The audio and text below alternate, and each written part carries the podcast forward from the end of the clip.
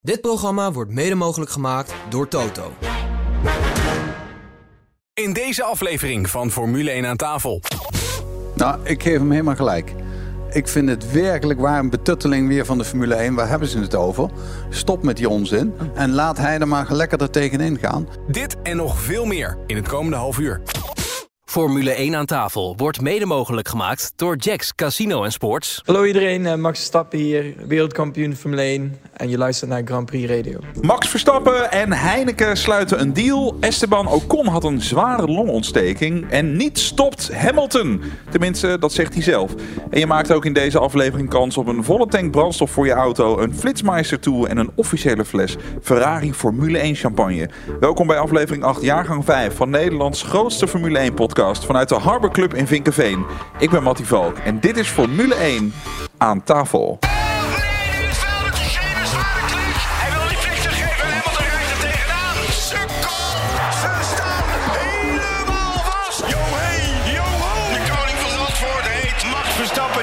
De Formule 1 podcast. Formule 1 aan tafel. Onze gasten deze week, hij is eh, coureur en ondernemer Meindert van Buren. Meindert, welkom. Ja, dankjewel. Waardoor is eh, Lewis Hamilton weer eh, strijdlustig aankomend seizoen? Nou ja, hij heeft al eh, twee wereldtitels eh, niet, hè, die hij eh, eigenlijk eh, zou willen hebben. Dus ik eh, denk wel dat hij eh, dat heel graag die achtste wil hebben. Ja. Dan bij ons eh, coureur, winnaar van de 24 uur van Daytona en ondernemer Indy Dontje. Eh, Indy, Max en Lewis hebben gezegd dat Zuid-Afrika echt op de F1-kalender hoort. Ben je het met hen eens? Ja, zeker. Ja. Ja. Want? Eh, ik denk als we naar eh, een circuit als Kailami gaan, dat het ook goed is eh, voor Formule 1 om daar marktaandeel te krijgen en ook daar fans te krijgen. Ik denk dat dat heel goed zou zijn. Ja. Komen we later deze podcast over te spreken. En dan bij ons Nederlands meest besproken teambaas Frans Verschuur. Eh, Frans, Heineken en Max. Wat is volgens jou de impact van, van Max op de Nederlandse economie?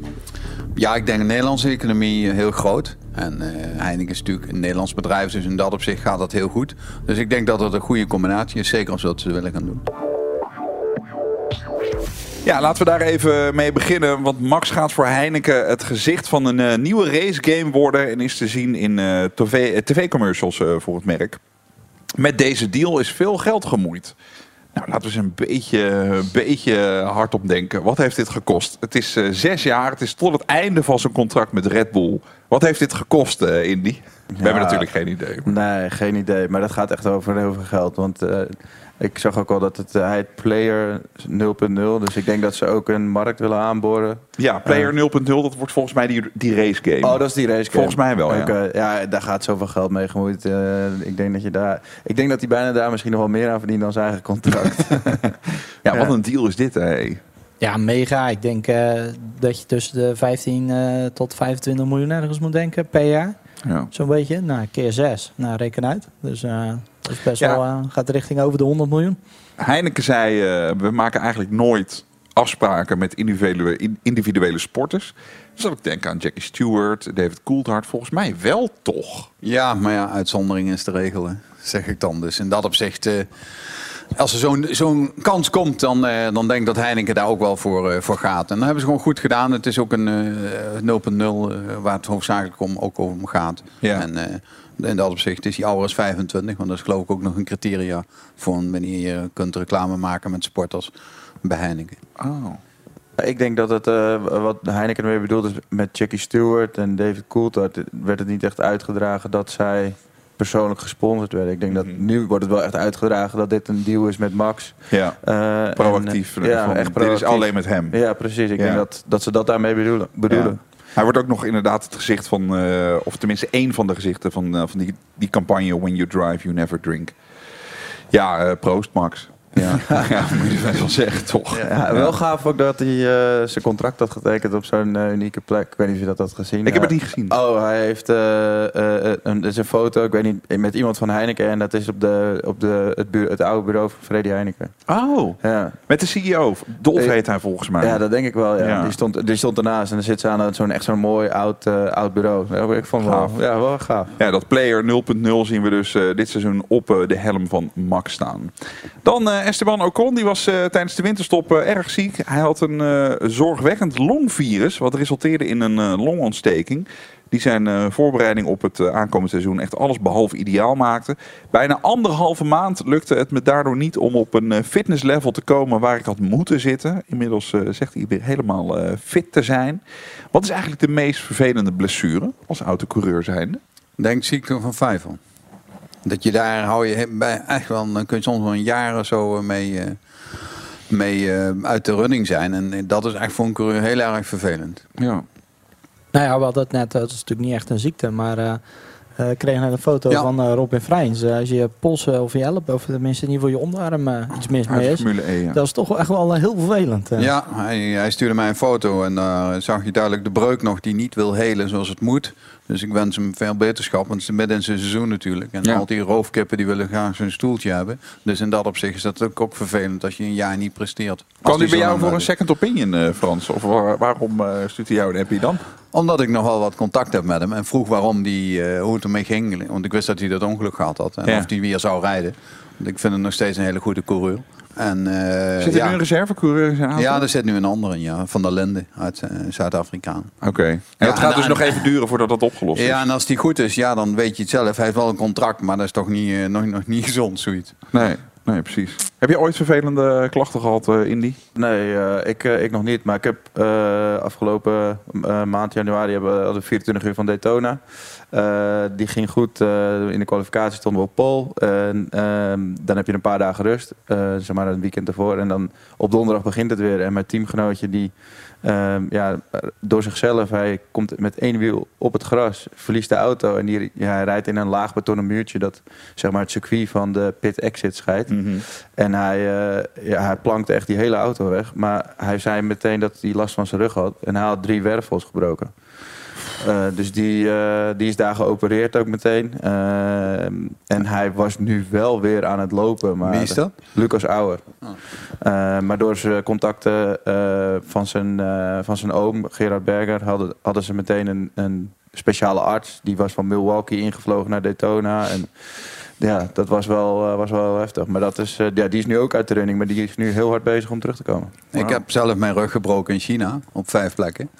En dat gebeurde in november. En toen hebben ze mij zo geopereerd dat ik in april weer in de auto kon zitten. Dat was puur alleen maar afgestemd op april begon het seizoen weer. Ik had een contract met Renault. En toen zeiden ze van, nou, we gaan je twee keer opereren. Dan moet je dit en dat doen, een heel strak schema. En eh, toen zat ik in april weer in de auto met een speciaal corset en dat soort dingen. En je loopt als een kieviet, Frans. Ja, dankjewel. Dankjewel. Meindert, eh, kom eens op met je spannende verhalen qua eh, klachten. Nou, qua klachten mag ik eh, niet klagen, nee. Want ik heb nog nooit zoiets raars meegemaakt. Maar eh, Ah, je, ja. hebt, je hebt een keer een ergens een alleen opgevouwen, geloof ik. Ja, ergens in Monaco, ja. Ik Ja. Heb, eh, dat, ja. Er stond een hele knappe vrouw bovenop dat balkon. Ik denk, nou, ga eens even kijken hoe dat eh, eruit ziet. Eh, nee, nee, nee ik, ik moest en zou in Monaco naar het podium gaan. Dat was een beetje mijn doel, die, die race. En eh, ik lag vijfde en de nummer, eh, drie, eh, of nummer vier had een gebroken voorvleugel. En ik denk, nou, die ging niet aan de kant, die ging niet de pits in. En toen had ik bedacht, nou, einde van het rechtstuk met DRS moet ik hem pakken. Nou, Ja. Dat had ik aan het begin besloten. Dat was iets te optimistisch. En toen eh, lepelde ik hem heel vol overheen. En eh, ja, toen stond ik rechtop tegen eh, de muur aan. En ja, nou, ik had uiteindelijk een lichte hersenschudding. Maar het moment als de adrenaline dan begint te dalen, dan begin je ineens te wankelen. En, Ah, ja. Iedereen die vraagt dan hoe gaat het met je, wanneer ben je geboren? Nou, dat weet je dan allemaal. Het moment als dan de adrenaline begint te zakken, ja, dan, eh, dan denk je echt van, eh poeh, ga maar, ik wil eigenlijk nu gewoon naar bed en liggen. En Ja. een week later eh, moest ik in Spa rijden. Nou, ik was fit bevonden door de artsen, maar als ik achteraf kijk hoe fit ik zelf was, was ik helemaal niet zo fit eh, in Spa. Nee. In Amerika heb je een impact test. Dus er eh, moet je een test doen en dan moet je allemaal even die vragen beantwoorden. Dan moet je eh, woorden onthouden, eh nou, allerlei ritmes gaan ze allemaal. Dat moet je vooraf van het seizoen doen. Die moet je eh, zeg maar overdragen aan de IMSA van hier, dit is die test. En die test moet je doen als je dus zo'n crash hebt gehad. Zodat zij dan kunnen zien, ah, ah het zit wel erg ver van zijn eigen gemiddelde, zeg maar. Zou voor sommige mensen gewoon überhaupt wel goed zijn. Nou ja, goed, maar als je dat van tevoren weet, dan zou ik, dan zou ik daar een beetje marge in bouwen. Van, joh, als ze mij het begin van het seizoen iets vragen, dan, denk ik er drie keer over na. Ja, ja, ja, Schrijf- precies. Dan reageer ik dan. En als ik dan een crash heb gehad, dan, dan kom je er toch alsnog uit. Ja, exact, ja. Eh, Lewis Hamilton die heeft het niet onder eh, stoelen of banken gestoken de afgelopen maanden. Hij ziet eh Kialami, het circuit gelegen in Zuid-Afrika, graag op de kalender komen. Hij krijgt bijval van Max Verstappen. De twee zijn het eens. Nou, dat is ook wel een keer leuk voor de verandering.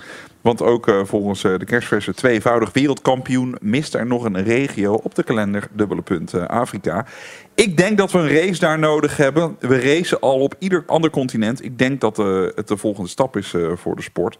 De F1 heeft in eh, Zuid-Afrika geschiedenis, dus het zou een geweldige toevoeging zijn aan de kalender. Ja, je bent het hier dus eigenlijk dan mee eens, in die. Ja, Kailami is een heel mooi circuit. Volgens mij, dit weekend hebben ze daar weer een GT3-race. die is niet zo populair omdat het qua logistiek niet le- lekker uitkomt dit jaar. Maar het circuit zelf, ik heb van heel veel rijders gehoord dat het echt fantastisch is. Ja, wat maakt dat, voor dat circuit mooi, Frans? Poeh, het is heel lang geleden dat ik daar eh, naar gekeken heb, dat daar geraced werd. Ik weet nog wel dat er een keer een Formule 1-rijder een, eh, een brandweerman eh door midden reed. Echt letterlijk en figuurlijk. En die jongen is ook overleden, die Formule 1-rijder. Ik kreeg die brandblusser op zijn helm. Dat is een, nog een eh, heel apart ongeluk daar. Ik weet de naam niet meer van die eh coureur. Ja, mm, dan moet er ook een race afvallen. Er zijn er nu al 23. Nou, oké, dan weet ik wel welke die af moet vallen. Maar dat doen ze nooit. Ze gaan nooit een een race in het Midden-Oosten wegstrepen om in Zuid-Afrika te rijden. Nee. Ben je het dan maar eens, inderdaad, eh Meijner, dat er dan een race in het Midden-Oosten zou moeten afvallen ten behoeve van deze? Nou ja, of die nou het Midden-Oosten is, maar ja, de, waar wel? Waar, waar ga je hem wel wegstrepen? Dat is een beetje het punt. Maar je gaat er ook niet eentje bij zetten, want dat is al te veel. Ja. Welke zou jij dan als ze moest strepen? Eh, nou ja, goed, in het Midden-Oosten zijn ze niet echt het meest spectaculaire meestal. Dat is een beetje het eh, ding. Kijk, eh, die run-off areas eh, waar je kilometers lang je kan verremmen en terug de baan op kan sturen. Ja, daar vind ik zelf ook niet zo heel veel aan. Ja, dat zag je ook in Paul Ricard. Nou, die valt dan af nu. Ja. Ehm, ja, het is een lastige, maar ja, Qatar is nooit zo'n zo'n hele spectaculaire of zoiets. Nee. Ik ben zelf zo benieuwd naar Vegas. Ja, Maar ik ben meer benieuwd om te, zeg maar, de manier waarop ze het aan gaan pakken, wat we gaan zien. ja het wordt gewoon een show. Ja, het wordt gewoon een Ja. show. Ja. Ja, en er wordt geraced. Ja, maar er wordt ook nog geraced. Ja, er wordt ook nog geraced. Ja. Ja. gewoon benieuwd naar het level van entertainment, hoe het in beeld wordt gebracht. Daar komt denk ik, zeg maar, eh, als we het hebben over show binnen de Formule 1, alles tot een hoogtepunt. Ja, ik denk ook echt dat daar eh, best wel grote namen gaan komen. En dat ze daar ook heel erg mee gaan pronken. Van kijk eens Ja. wie hier zijn. Ja. Ik denk dat dat ook echt wel een dingetje wordt. Maar als je de layout ziet, ja. Niet zo spannend, Net wat hè? Frans zegt. is Oh ja, en er wordt nog. Ja. Voor de rest is, gaat het daar alleen maar over de shows, denk ik. De feesten. Eh, daar, ik denk dat daar ook wel wat geld wordt verbrand. Wat je ook al in Miami zag eigenlijk een beetje. Ja. Ja, dat is typisch Amerika. Ja. Dat is typisch Amerika. Ik vind dat ook altijd zo gaaf hoe die Indy 500 wordt opgebouwd. eh, met shows, met zingen, eh, dansen. Eh, het is natuurlijk echt alleen dat. Dan gebeurt alles op het circuit. En je gaat natuurlijk straks stadions krijgen waar dingen in zijn. Je krijgt podiums, maar niet echt op de baan. En dat, Nee. dat, dat moeten ze eigenlijk wat meer invoeren. Het is misschien voor ons Europeanen moeilijker te begrijpen dan Amerikanen. Die willen zo'n show en er wordt erbij geraced. En wij racen en dan mag gewoon wat show eromheen. En dat is natuurlijk voor ons even moeilijk te begrijpen, hun cultuur. Maar ja, Liberty is eh, eigenaar, dus die gaan toch die kant op. Want daar wordt het meeste geld mee verdiend. Ja, precies. Na de break in eh, F1 aan tafel spelen we Raad het Autogeluid. Je kunt winnen een volle tank brandstof voor je auto en het Flitsmeister 2 pakket. Plus een fles officiële Formule 1 champagne. We hebben een eh, vraag van Gerard Gerbracht. Die gaat over doping binnen de F1. Hamilton die zegt dus dat niets hem stopt. Ehm, nou, kortom, een hoop te bespreken. Tot zo. Boek nu met GP Ticket je Formule 1 reis naar Barcelona voor 2023. Keuze uit een 4 of 5-daagse trip, inclusief rechtstreekse vlucht, hotel, vervoer, ervaren Nederlandse begeleiding van GP Ticket en natuurlijk een perfecte plek op het circuit. Het aantal beschikbare plaatsen is beperkt. Boek nu Barcelona 2023. Check alle info op gpticket.nl. Tink, Max Korting. Profiteer en race nu naar tink.nl. Gebruikte auto kopen was iets waar ik niet vrolijk van werd. Want je hoort zoveel verhalen en ik heb er gewoon te weinig verstand van. Totdat ik de site van Paul van Bergen tegenkwam met prachtige reviews over service en betrouwbaarheid. Mijn volgende auto, die koop ik weer bij Paul van Bergen. Zo, dat ziet er goed uit. Dank je. En de auto is ook mooi, hè?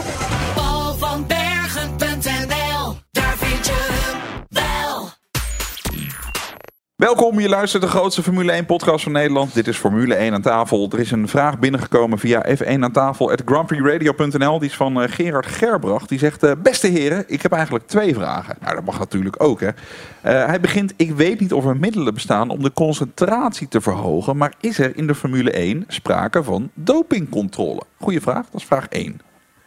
Ja, er wordt zeker wel eens gecontroleerd, ja. Ook ze- zelfs eh, bij ons wordt er eh, gewoon random wordt je eruit gepikt. En ja, het is wel op, bij ons is het op eh, eh, urinebasis. Dus ja, dan zie je natuurlijk ook niet alles. Maar ik denk, ik denk zeker dat ze daar wel naar kijken hoor. En op welke middelen wordt er dan getest? Eh, d- Wat zouden die middelen eventueel kunnen doen op het moment dat je ze gebruikt? Eh, nou ja, er is een hele eh, dopinglijst vanuit de FIA. Eh, die, kan je, die kan je ook eh, zien op de website. En eh, ja, er zitten een aantal raden ook in. We mogen als coureurs bijvoorbeeld ook eh, geen creatine. Eh, terwijl dat wel, zeg, het is niet iets waar, waarvan je zegt, nou dat Een soort je- sportspoeder is dat, hè? Ja, dat helpt gewoon met je spieropbouw. Ja. Eh, en dat, ja, dat, dat, dat staat dan ook op de lijst. Maar ja, er, er zijn niet. Ik, ik zou niet zo snel, ja, je- misschien eh koken of zo, dat je daar lekker hard van gaat. Maar, Ja, maar dat bedoel ik. Welke middelen zou je kunnen gebruiken om wat te verstevigen? Of om welke, snap je, welke skill te ja, verbeteren? want ik denk, ik denk dat je eh, helemaal van adrenaline al word je al heel geconcentreerd en heel gefocust. Ja. Dat dat het belangrijkste is. Ja. Eh, maar ik zou geen ander middel weten. In Nederland eh, werd er toen gecontroleerd op drank. Moesten, ja, eh, Coronel en ik moesten blazen voor, eh, voor de wedstrijd. Om te dachten ze dat er eh, de avond ervoor laat worden was en, enzovoort enzovoort. En Phil Bastians, die hebben we eens een keer vier uur s'nachts uit de kroeg gehaald. Strons had. En die, eh, ja, die stond toch om half negen, negen uur in de quali.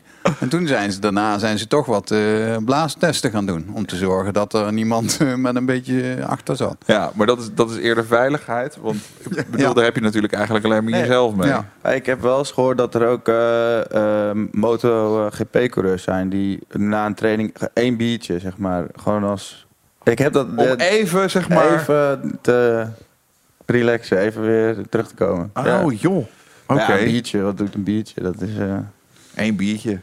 één Heineken. Eén Heineken, ja, zie je Max ja. binnenkort. Dan nog eh, vraag nummer twee van eh, Gerard. Die zegt, ehm, mag een nieuwe coureur, zoals eh, Nick de Vries...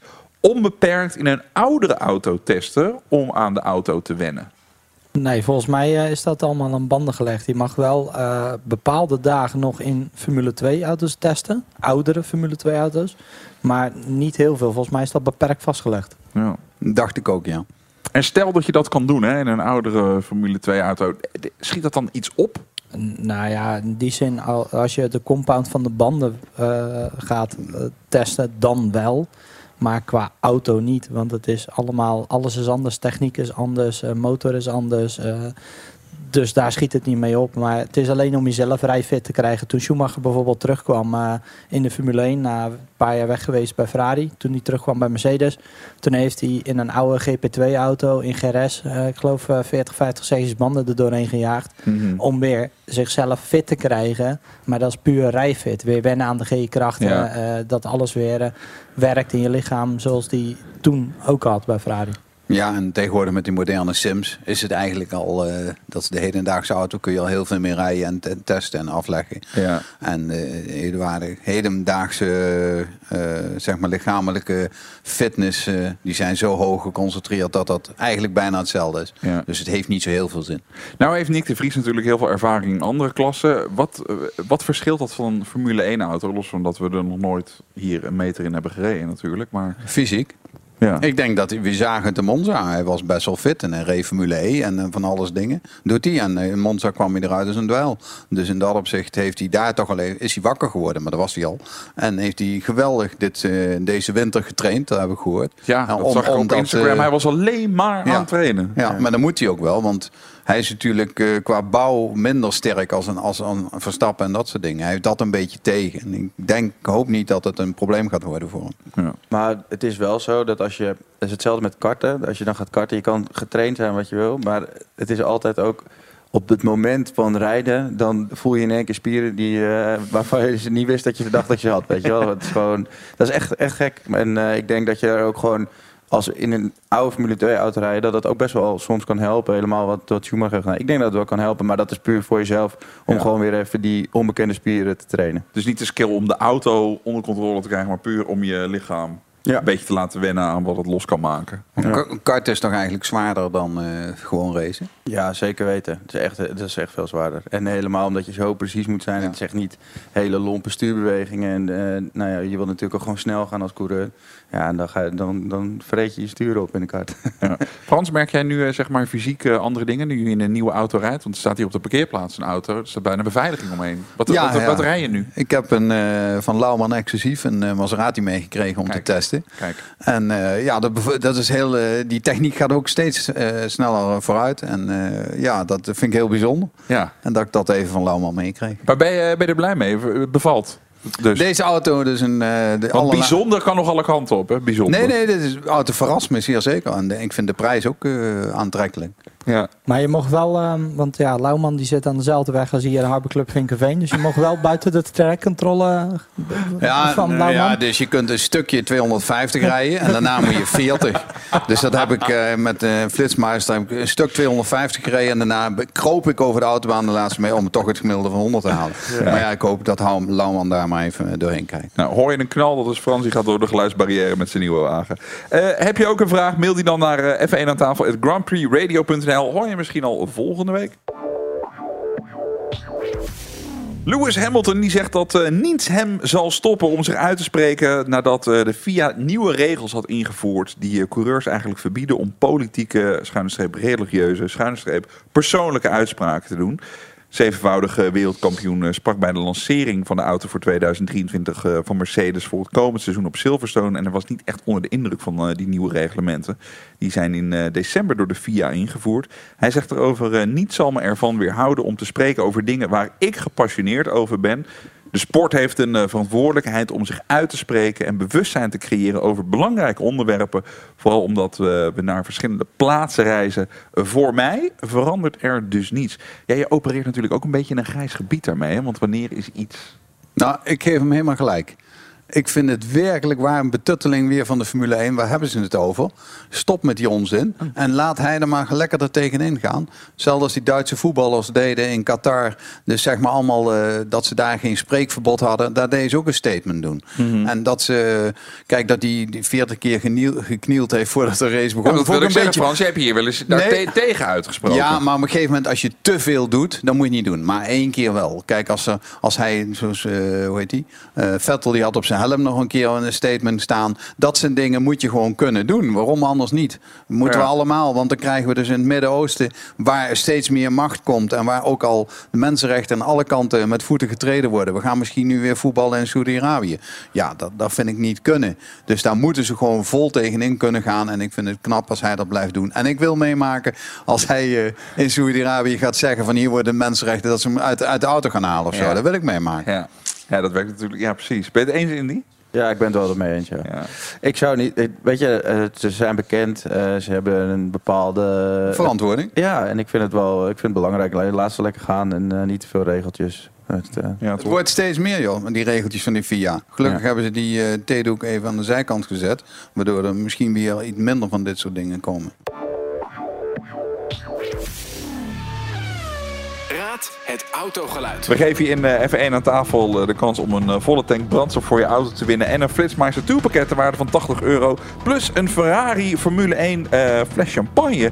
Dat win je in Raad het Autogeluid. Mario de Pizzaman die staat in Druten bij eh, autobedrijf Paul van Bergen. En die praat met verkoopkanon Jan Knevel. Dag Jan. Hey Mario, een hele goede dag. Ja, goeiedag. hey, eh, er komt iemand binnen. Wacht even. Oh, dat is uh, Den Paul. Dag Paul, hoe is het met je? Ja, heel goed. Goedemorgen. Paul van Bergen zelf. Hoe is het verder? Ja, buitengewoon goed. Wil jij er ook even in, in die auto? Eh, de een, nee, ja, de een heb ik vanochtend al gezeten. Jezus, het wordt hier steeds platter. Eh, Jan, we gaan over naar de orde van de dag. Autogeluid. Ja, Waar zit je in? ik zit in een heerlijke vatuurtjes zonder dak.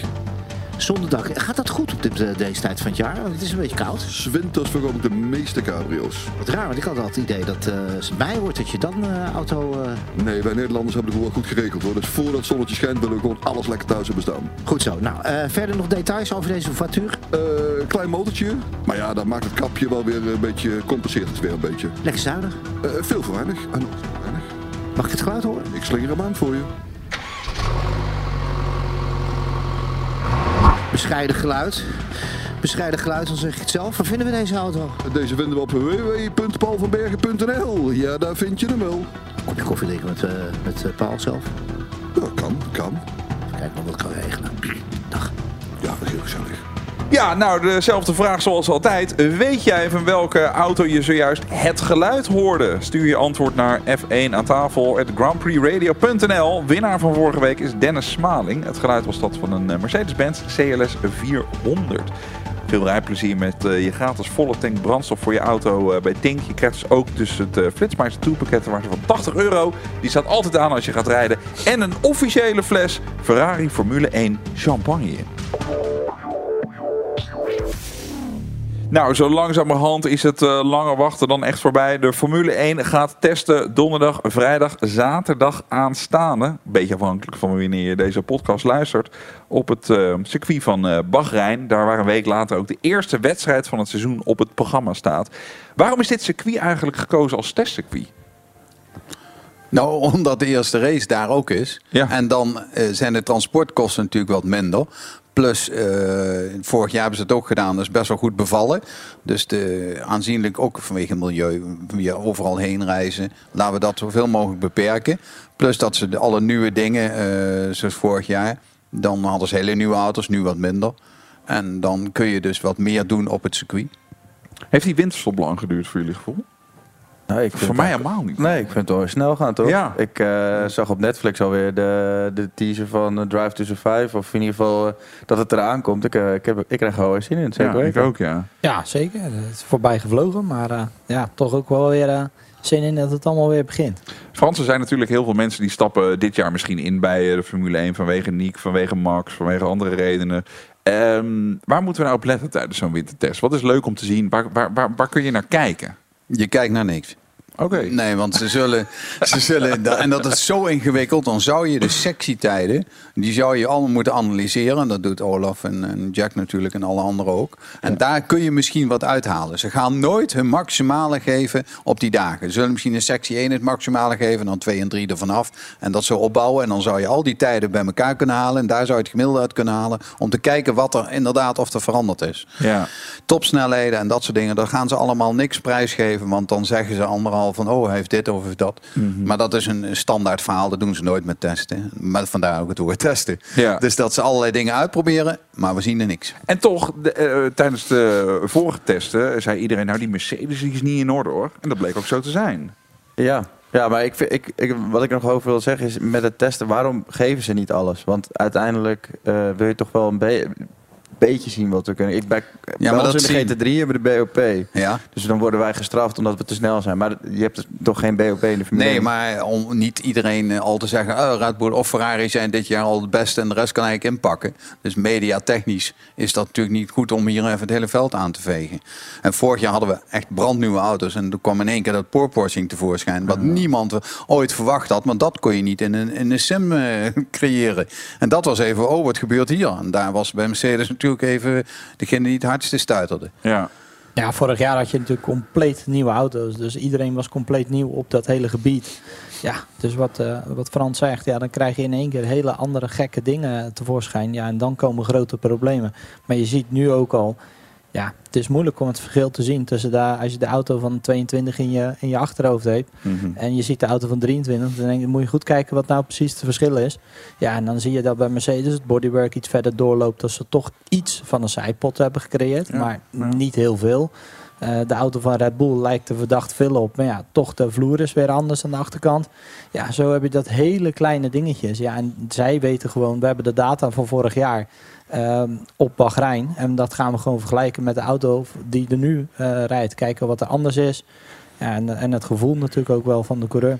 Hoe de, hoe de kaarten zijn geschud, eh, zeker voor Alfa Tauri, voor de Nederlandse fans van Nick de Vries, kunnen we eigenlijk pas zien, denk ik, de eerste of de tweede vrije training in, eh, voor de race. En daar zie je een beetje, daar gaan ze zeg maar 99%. En daar kunnen we zien, hé, hey, Alfa Tauri zit er wat beter bij als vorig jaar, want slechter kan bijna niet. Ja. Ik heb altijd het idee dat Ferrari, eh, zeg maar, dat is altijd de winner of de testdays. Die staat altijd bovenaan. vrijdag. Dus als ze dan hun mom- moment of fame krijgen. Ja, want anders kunnen ze niet terugkomen in Italië. hè. Dan krijgen ze daar weer hoofdtrammeland. Dus in dat opzicht... eh, Dat moet je dan toch eens uitleggen, Indy, want wa- wat voor winst valt daar dan te behalen? Want Ja, kennelijk, eh, Nou, ik- iedereen ik- weet dat dat, een, dat dat een showtje opvoeren is. Ja, misschien begrijpen ze het spelletje wel eh, niet heel goed. Want eh, ja, uiteindelijk staan zij er elke keer bovenaan. En als het, het seizoen begint, nou, vorig jaar was het dan anders, zaten ze er redelijk bij. Maar ja, het is wel zo dat degene die nou, niet te veel laat zien, die zie je later, zie je die floreren. Eigenlijk als je de geschiedenis ziet, zie je dat Red Bull altijd in de eerste twee, drie races er eigenlijk nooit bij zit. Maar die staat er volgend, vorig jaar er al gelijk bij.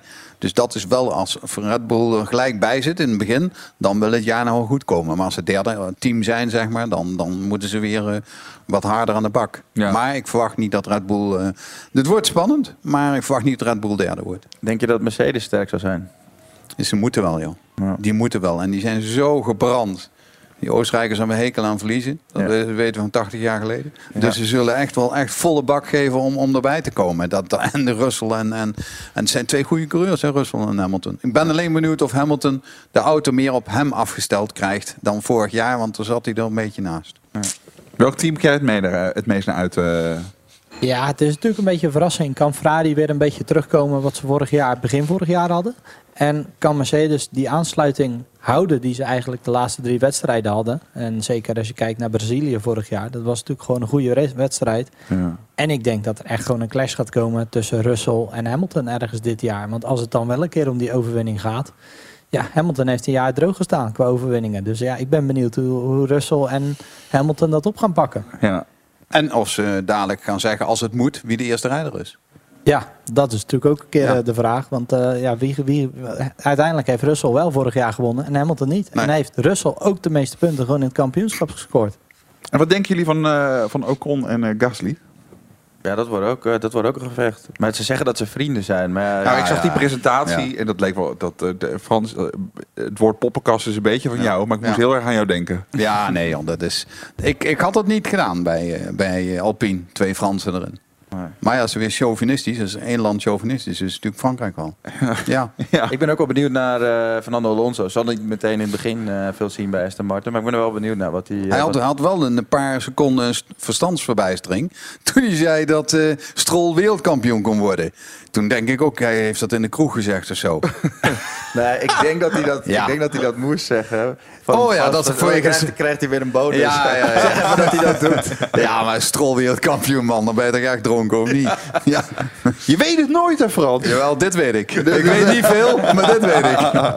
Grand Prix Radio is eh, aanwezig met eh, Olaf Mol en eh, Jack Ploy bij de testen in eh Bahrein. Meer daarover hoor je dus op de radio en via grandprixradio.nl. Heren, dank jullie wel voor jullie eh, aanwezigheid. Volgende week eh, zijn we er natuurlijk weer. Eh, ik mag jullie allen een fles officiële Formule 1 Ferrari Trento Doc aanbieden. Tot zover Formule 1 aan tafel. Redactie in handen van Sjaak Beumer en Koen Bakker. Vormgeving en montage Marnix Westhuis. Draaiboek en productie Mario de Pizzaman. Ik ben Mattie Valk. Tot volgende week. En blijf nog even hangen voor de bonus.